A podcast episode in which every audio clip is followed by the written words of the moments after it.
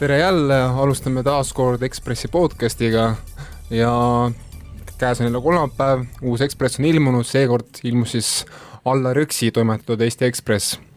esimeseks külaleheks on meil mees, kes tavaliselt veab seda saadet, aga praegu on puhkusel, kuid tuli ikkagi, aitas meid hädast välja, tuleb rääkima enda artiklist, Tannar Leitmaa. ja Tannar, küsiks sinult kohe esimesena, et sa tegid suure loo Gerd Kantri poisipõlvest. millise mulje jättis sulle Gerd Kantri siis poisikesena?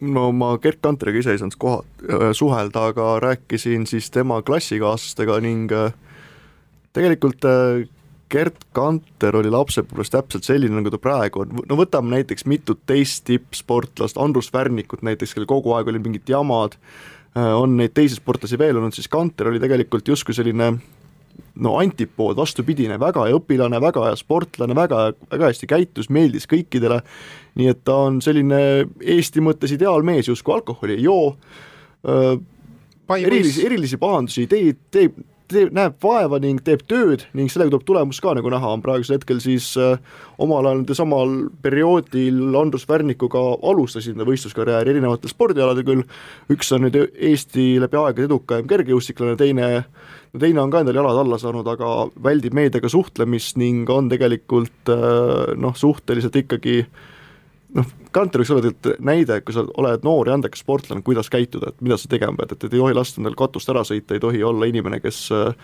kes kujutab ette, et ta on küll andekas, aga seetõttu ka teisest parem mm. -hmm. ma just mõtlesin, et me vaatasime tüdruksõbraga seda artiklit ja siis tüdruk ütles, et kui iga, iga Eesti mees oleks Gerd Kanter, oleks Eesti üks palju ilusam koht.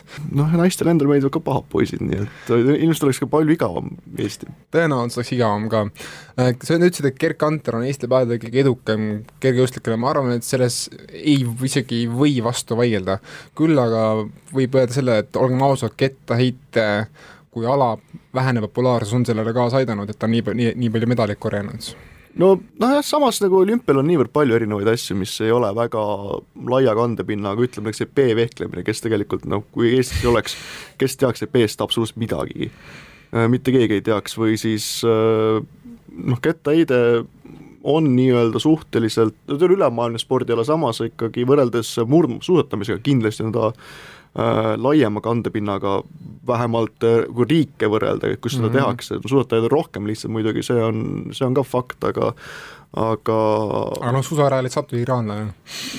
tõsiselt, no tõesti jah, ei satu ja nii edasi, et aga, aga olümpial on ka näiteks taekwondo, mis on ju puhtalt äh, teatud piirkonna ala, mis meil on nagu täiesti olematu, nii et tegelikult äh, igale piirkonnale midagi ning kui sa ikkagi mingis asjas oled maailma parim, siis sa oledki maailma parim, nii et seal ei ole midagi vaielda mm. -hmm. mis sa arvad, kui suurt rolli on mänginud Kanteri nagu üleskasvamises ka tema vanemad? No vähemalt nii palju, kui klassikaaslased temast rääkisid, siis äh, kettaheite juurde viis ta just isa, et ja isa oli ka siin väga töökas inimene, rajas maja endale, tegeles äh, kaheksakümnendate lõpus, kui oli väga raske periood sellega, et perele jalgu alla saada, nii et ka sealt on sellist äh, no Eesti klassikalise töömehe mentaliteeti olemas.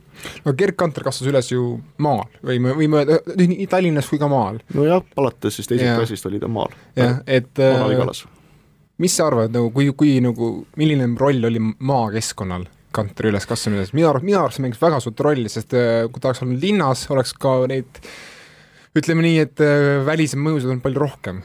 no ma, sellega on see asi, mida nagu pahatihti spordikommentaatorid, reporterid, ajakirjanikud ütlevad, et et kui sa oled maal ja teed maatööd, siis tegelikult sul lihtsalt see füüsis on parem, nagu Heiki Nabiga näiteks, kes on Hiiumaa poiss, kes on lapsest saati sul, ma ei tea, heinapalle loopinud ja selliseid asju, siis äh, on see loomulik ka, et sa nagu füüsiliselt oled, oled parem ning tegelikult Gerd Kanteril olgem ausad, et ta tegelikult sai äh, tipptasemel tegijaks, sellele aitas kaasa ikkagi Tallinnasse tulek, kus ta tegelikult üles leiti, sest nagu tema esimene treener ütles, et ega keskkooli lõpus oli tal rekord umbes viiskümmend ja pool meetrit, millega tegelikult ei tee Eestis mitte midagi väga.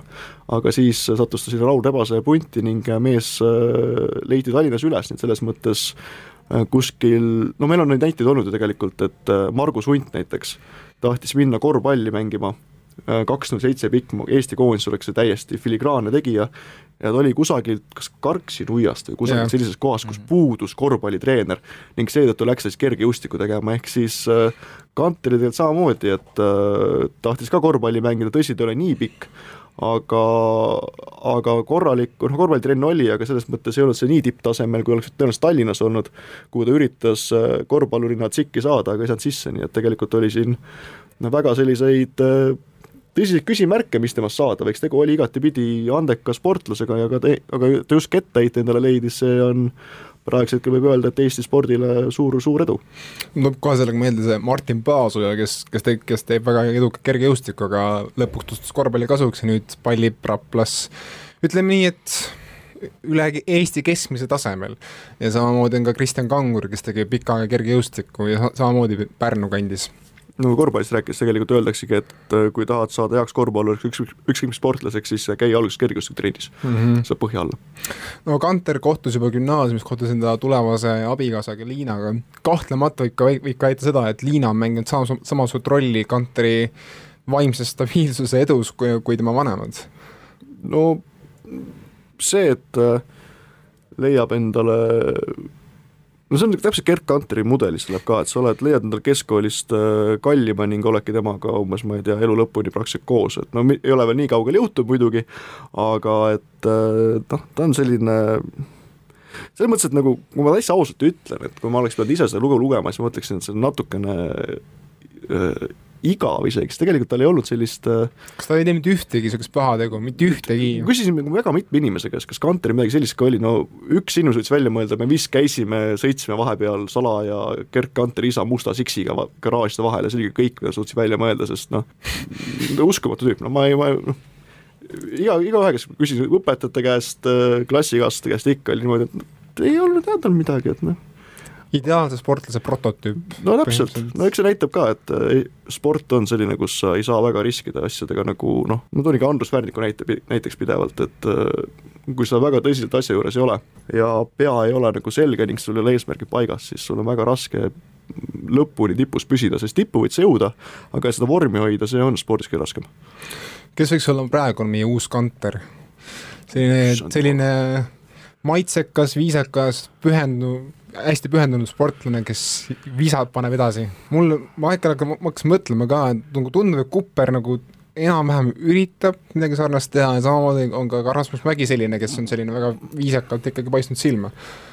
eks nad siin ole kõik sellised, mul ei meenu ühtegi Eesti sportlast, kes oleks selline värnikulik laamendaja või Erki Noolelik selline lapsesuu, et see uus põlv on kõik justkui selline väga korralikud, viksid, viisakad noh, nagu sa ütlesid, Mägi, Cooper, kõik on sellised, kes on tegelikult äh, noh, eks see sport on läinud järjest professionaalsemaks ning sa ei saa enam niimoodi nagu Värnik läks olümpiale, et enne viskas sul päev otsa Antslas äh, sõbrale katus peale ning siis läks Eesti mestikale, viskas Eesti rekordi, nii et sellist asja nagu võib juhtuda, aga see on väga raske, et sa pead ikka siis nagu ürgandekas olema.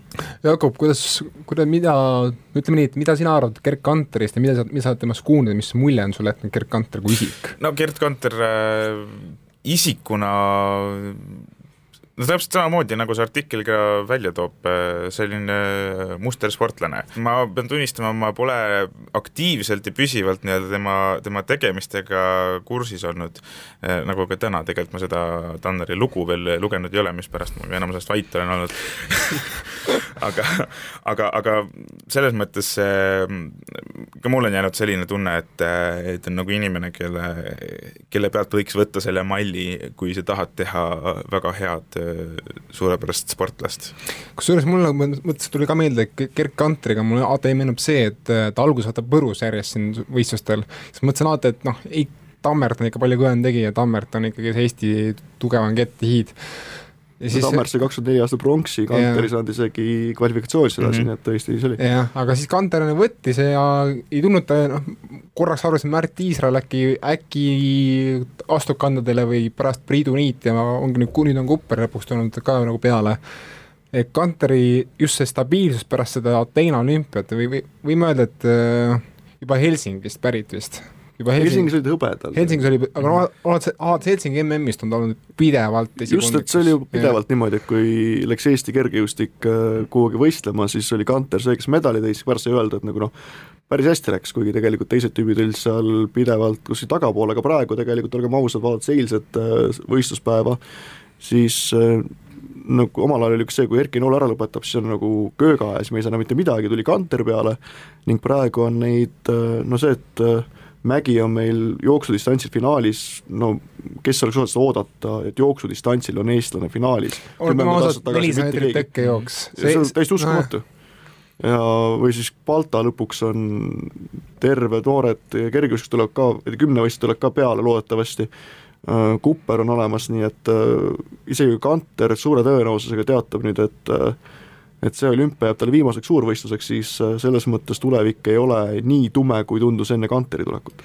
Kusjuures, kui sa rääkisid erinevatest nimedest, siis mul, ma mõtlesin, et kes võiks, kes on kõige rohkem Kanteri pärane, mul tuli meelde Michael Uibo, kes on ka selline paipoisi nagu näoga, see õpib USA-s, teeb alati korralikku trenni, järjest tulemused on paranenud aastast aastasse, tüdruksõber on ka selline, kes on väga toetav ja kes, kes ei, ütleme, kelle kuulsus hetkel vist isegi ületab Uibo oma. no kindlasti ületab Uibo sellepärast et äh, mis ta nimi oli, Shonei Meller või yeah. kuidagi niimoodi, et see, kuidas ta fir-, olümpiavõitjaks sai, see on ju tegelikult interneti äh, internetis sensatsioon. väga sensatsiooni, sensatsioon, sest tõesti see lõpp oli väga silmapaistev, aga, aga eks Maicel Uivo ise ka siis kuidas ikka koju lähed, et naisel on olümpiamedal ja sul nagu on mingisugune kuues koht kusagilt heal juhul? no Kanter ütles pärast, et see oli tema viimane olümpia, see ei ole mitte kellegi üllatus, aga ta ütles, et kavatseb veel võistelda paar aastat ja natuke noori poisse utsitada, kas, kas meil on olemas, tulemas veel noori kettaheitjaid peale, peale Kupperi, kellele, kellele võiks olla Kanter suureks eeskujuks ja kes, kes juba näitavad mingeid Kanteri märke? tead, ma ei oska nagu nii, ma tavaliselt ikkagi tean kettaheitjaid siis, kui nad suuda-, jõuavad suurvõistlusele, aga äh, Eestis äh, arvestades sellega, et meil on äh, sport suhteliselt äh, ahtakene, siis meil on teatud ala, millest tulevad alati uusi tegijaid peale, kus on äh, treenerite teadmised olemas, kus on tingimused olemas, no EP-vehklemine alati on kõva, sõumine alati kõva äh,, rattasõitja tuleb pidevalt peale ja kettaheide tundub ka olevat, et Tammert teeb väga head tööd treenerina, siis äh, Kanter ise samamoodi oleks tõenäoliselt päris asjalik äh, Tustit, tema treener, nii et tegelikult äh, kettaheites on asi suhteliselt korras, kas neist saab kant-, kantri massitegelane, kes, kui ma mälu mind ei peta, mis läbi aegade kas teise või kolmanda tulemusega mees, siis teise, teise tulemusega mees, et no see tähendab, et täielikku maailma tippu, kas sinna jõuab, aga ma usun, mingi medalimehi järgmise kümne aasta jooksul kindlasti üks-kaks tuleb mm. -hmm. no loodame, et neid tuleb veel rohkemgi. Äh, sellega lõpetame saate esimese poole, saate teises pooles on meil külas üks inimene, kes teeb larpi, millest mina midagi ei tea, aga juhuslikult kohe saame teada, mis asi see larp ikkagi on, Ekspress saab seda ka lugeda ja vaatame, mis, mis liiki larpid üldse maailmas on. Oleme jõudnud äh, tänase Ekspressi podcastiga teise poolde ja hakkame rääkima nüüd sellest, mis asi on äh, LARP ehk siis inglise keeles nimetatakse seda live action roleplay ja selleks on meile külla tulnud äh, Andrei, kes meile sellest oskab äh, põhjalikumalt rääkida. nii et äkki sa alustakski sellega, et äkki sa selgitaksid paari sõnaga, mis asi LARP on ja, ja mis seal tehakse? Äh, tere päevast! LARP kui selline on Äh, noh, see lühend iseenesest nagu live action roleplay, nagu öeldakse. ja kui nagu väga nagu selliselt lihtsalt rääkida, see on see, et, et et inimesed äh, lähevad mingisse nagu kohta, kehastuvad ümber kellekski, kellekski teiseks ja siis äh, nagu mängivad läbi sellised vabas vormis stsenaariumid põhimõtteliselt, mille lõpptulemust isegi ei ole nagu, nagu võib-olla nagu defineeritud isegi mitte miks seda tehakse? Miks seda tehakse? Eh, ma arvan, et igal inimesel on nagu iga noh, oma põhjus, miks seda teha, kes otsib nagu vaheldust, kes tahab eh, teha midagi muud moodi. ma just mõtlen, kas su tavaelu on nagu nii igav, et sa siis pöördud larbi poole? ei, miks, aga see annab, see on niisugune suurepärane võimalus, kuidas nagu elada läbi või siis kogeda nagu olukordi, nii-öelda põhimõtteliselt noh, uusi olukordi, mis nagu päriselus võis isegi olla natuke ohtlikud, aga see, seda nagu, nagu turvalises keskkonnas teha põhimõtteliselt. kus larpe üldse tavaliselt tehakse? Eh, igal pool on õige vastus, sest et eh, me oleme teinud eh, neid nii kuskil RMK metsas, Patari vanglas, Rakvere lossis, mingi metsamajades, kellegi kodus võib põhimõtteliselt teha, oleneb täiesti sellisest nagu taustaloost. Mm.. no mina käisin seda Ekspressi lugu kirjutades ühel väiksemat sorti larbil, mis tõepoolest ähm, toimus ühes toas, aga, aga nagu sa ütlesid, on korraldatud ka suuremaid äh, larpe, sa ise mainisid, sa oled korraldanud sellist larpi nagu Deckerfest, äh, mis siis äh, see aasta, ma saan aru, toimus Patarei vanglas. jaa, täpselt nii oli, jah. äkki sa räägid natukene, mis selle sisu on ja, ja kuidas see, see, see konkreetne larp läks? Selle sisu oli põhimõtteliselt nii-öelda, ütleme, selline taustalugu oli selles, et toimus siis nagu lähitulevikus Eestis samamoodi, kus tehnoloogia oli teinud niisuguse nagu korraliku hüppe, aga samas oli ka selline nii-öelda sotsiaalne ebavõrdsus oli nagu, nagu suurenenud ja äh, põhimõtteliselt oli siis tegemist sellise nagu üritusega, kus nagu tekkerid, mis on siis nagu selles nagu mängumaailmas nii-öelda häkkerid, kes siis raha eest äh, murdsid sisse erinevatesse arvutisüsteemidesse ja turvalistesse, muudesse turvalistesse paikadesse, said korra aastas kokku, et siis nagu mõõtu võtta, kes on siis neist kõige kõvem mees nagu põhimõtteliselt. no kust selline idee tuli, miks üldse selline idee? Äh, see on natukene seotud ka paari sellise nagu äh, mit-, nagu nii-öelda tavarollimäng, mis on siis nagu, äh, nagu toimub pliiatsi paberiga, kus inimesed saavad lihtsalt kokku ja nagu, nagu kõik see rollimäng on siis põhimõtteliselt, tehakse nagu laua taga läbi pliiatsi, paberi ja täringute abil. ja üks niisugune, paar sellist maailma on, kus on kõik see nii-öelda see düstoopiline tulevik on nagu juba nagu lahti kirjeldatud ja siis kuna meile meeldis see nagu mõte, ühe minu, ühe tuttavaga, kellega me kokku saime ja siis Patarei vangla tundus ka niisugune väga hea koht, kus seda teha, sest ta on, ta näeb noh, täpselt välja selline nagu mingi vana serveripark oma lagunenud äh, äh, nüüd olekuga ja noh, mere ääres asukohaga ja nii edasi. ja siis mõtlesime, et seal võiks olla niisugust asja nagu väga vahva teha hmm.. olgu, aga ma küsiks, palju on Eestis aktiivseid LARP-i mängijaid? see on keeruline öelda, see, eks see nagu kõigub ka niimoodi, aga ma arvan, et mingi tuhande ringi äkki, aga ma see on täiesti nagu peast võetud nagu mm, -hmm. aga noh, nagu sel eelmine nädalavahetus oli just see pööripäeva larp, eks ole, seal juba olid äh, päris korralikult inimesi kohal, ikka mitusada. kas see numbrite arv on siis kasvanud aastate lõikes või pigem jäänud samaks? ta on pigem vist jäänud samaks meil, et meil siin vahepeal oli siin nii-öelda järelkasvuga oli selline äh, nagu väikene mure, et nagu, et uusi nagu mängijaid ei tulnud peale erinevatel nagu põhjustel mm. -hmm. aga ma natuke nüüd stereotüpiseerin, aga üldjuhul on ikkagi mehed ja poisid need, kellele meeldib asju ette kujutada ja olla oma ulme fantaasiamaailmates, palju on see meeste-naiste osakaal Eesti larpi maastikul? Äh, võiksin öelda, et äh, noh, see oleneb jällegi mängust, et eh, nii-öelda kui, kui on niisugune lahingmäng, mille ena, enamus nagu tegevust on selline eh, nii-öelda füüsilist laadi ja sisaldab hästi palju võitlemist, eh, siis seal on ka naisi igatepidi, aga sellised muidu niisugused mängud on mitte pooleks, kui isegi mitte rohkem nagu. Hmm no sa oled äh, korraldanud ilmselt äh, mitmeid larpe ja, ja osalenud veel rohkematel.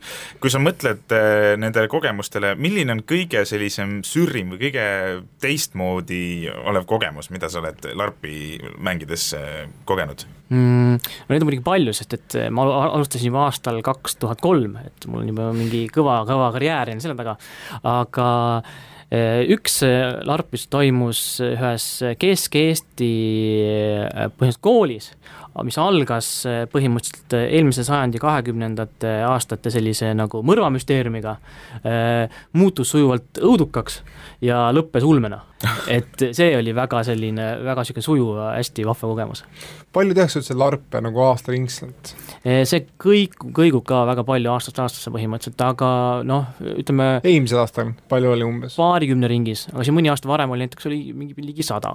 Vau, eks peaaegu iga iga kolme päeva tagant. ja noh, lisaks on see ka variant, et sa võid alati külastada neid ka välismaal toimuvaid larpe, mida on ka noh, isegi rohkem kuhu Eesti larpimängija tavaliselt läheb välismaale, et kogemusi saada? Soome, Rootsi, Saksamaal on üks hästi suur larpifestival, mis kestab nädal aega, sinna minnakse ikka põhimõtteliselt, aga, aga põhimõtteliselt ka Euroopa see on nii-öelda larbiturism isegi ja,. jah, jah, põhimõtteliselt küll. mis on Eesti larbi sellised iseloomulikud eh, jooned, kui vaadata seda, mis toimub välismaal ja siin, kuidas sa tunned ära, et see on no, Eesti? siin on jällegi, et kindlasti on erinevaid arvamusi, aga äh, mina, minu arvamus on praegu niimoodi, et Põhjamaades on hästi levinud praegu selline väga äh, sissemängiv larp, kus on, ongi enamus sellist rõhku nagu emotsioonil ja ja sellisel äh, nagu äh, ongi nagu sisemisel mängul ja tunned on niisugust asja, eks ole.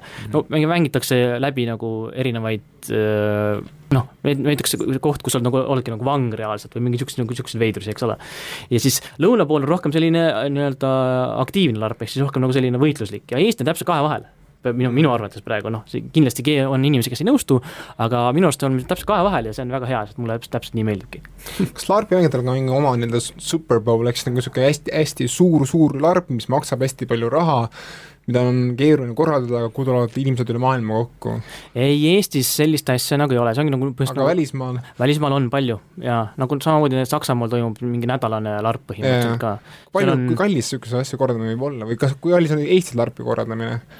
Eesti larp on tegelikult suhteliselt odav, sest et noh, võrreldes Skandinaaviaga näiteks, samas Läti, mida rohkem nagu lõuna poole minna, Läti, Leedu, need, seal on jällegi, me oleme nagu kaljuvõitu. aga Eesti larp on äh, jällegi oleneb väga palju sellest asjast, mis tahetakse teha, aga ütleme kakskümmend eurot umbes päev mm.. mis on, noh Skandinaavias on ütleme, et seitsekümmend eurot pole mitte mingi probleem küsida. ma pean ikkagi selle ära küsima, et äh, küsi. et äh, kas on olemas ka erootilisi larpe? Äh, ma olen kindel, et on, aga ma ise ei ole ühelgi osalenud et äh, me korra, korra tegime nagu väikest uurimistööst, leidsime mingid erootilised larpid on, tegelikult noh, olgem ausad, äh, väga paljud paarid harrastavad vist rollimänge oma tubades, on ju, aga mõtlen, larp, larp e-, enamjaolt ikkagi koondab rohkem inimesi kui kaks-kolm, et et kas sellel oleks turgu, see erootilisel larpil Eestis? Ma ei oska selle küsimusele tõesti nagu, nagu vastata, see on niisugune, selle ausalt öeldes ma võin öelda ka, et minu käest ei ole kunagi küsitud mm., aga, aga ma arvan, et pigem mitte siit ma kohe küsikski kohe juurde, et palju on tavaliselt inimesi ühe, ühes larbis? Eh, Eesti mõttes siis või? jah, Eesti mõttes ikkagi. Eh, ütleme kakskümmend kuni nelikümmend. Nelikümmend on niisugune, kui on rollimängu larp, on ikka niisugune suur üritus nagu rohkem. Eh, noh, samas mingi lahinglarpi puhul no, mitusada inimest kokku ajada ei ole ka mingi probleem, nagu Pöörpäev mm. just näitas. no selles ähm, loos Ehm, mainitakse ka ühte episoodi sellisest larbist nagu Hiline lõikus, kus äh, kasutati äh, soomukit, äh, mis oli siis päris soomuk ja mille olemasolust ükski mängija ei teadnud. ja ma saan aru, et sina oled osalenud ka selle mängu korraldamises. jaa, mina ja. siis ühe oma tuttavaga tegime põhimõtteliselt selle mängu mm. -hmm. see Hiline lõikus, ma saan aru, on selline suur mängude sari, kuna et, et seal on nagu mitu, mitu mängu toimunud mm. -hmm. et palju selliseid erinevaid sarjasid meil üldse Eestis on või, või selliseid läbiva, läbiva motiiviga mänge, et ma nüüd olen, käin siin see aasta ära ja ma tean, et näiteks järgmine aasta või paari aasta pärast tuleb äh, samas maailmas äh, sama, sama story, sama, sama looga toimuv lugu mm -hmm. või mäng? no sellega on see, et äh, seeriad Nad ühesõnaga lõpevad ära mingid ka ikka mm -hmm. ja noh, algavad uued. aga ma arvan, et mingi viie ringis, mitte rohkem, et niisugune väga palju tehakse ikka sellist äh, nagu ühe, ühe korra asja. kas äh, LARP, kas äh,, kas LARP-i kogukonnas on ka mõni Eesti kuulsus? Eesti kuulsus? jah. mind kohe tõesti huvitab, äkki tõesti ma olen nagu kõik need võimalused Liis Lemsaluga, et, jah, jah, jah, see on hästi hoitud saladus ja, ja et aga tegelikult minu teada vist ei ole ei ole ühtegi? ei ole jah mm, -hmm. aga on alati võimalus tulla. selge, siis ma kutsun Liisi sinna. teeme nii. no mida peavad tegema inimesed, kes äh, nüüd kuulavad või lugesid lugu ja, ja neil tekkis suur soov äh, taht-, tahta tulla larpariks mängida? kuidas nad saavad teiega ühendust võtta? Äh, kõige lihtsam, ma arvan, on see Facebooki kaudu, et seal on kommuun Eesti rollimängijad ja täiesti avalik kommuun, et sinna saab liituda ja vaadata, mis seal nagu tehakse, et sinna tuleb nii mängukuulutused meilt kui ka välismaalt ja see on niisugune keskne infokoht, mida me nagu nagu mida kõik peaaegu enamus külastavad. et teil oma veebilehte ei ole? Foorum on dragon.ee kaldkriips foorum, aga selle, no ütleme nüüd, et kõik kasutavad Facebooki tänapäeval mm, -hmm. et sinna nagu rohkem, jookseb rohkem infot kokku. mõista. aitäh saatesse tuleku eest, Andrei, ja saate lõppu paneme sellise vahva loo, mis ärgitab kõiki proovima kõike, mis vähegi võimalik on, Shakira Try Everything.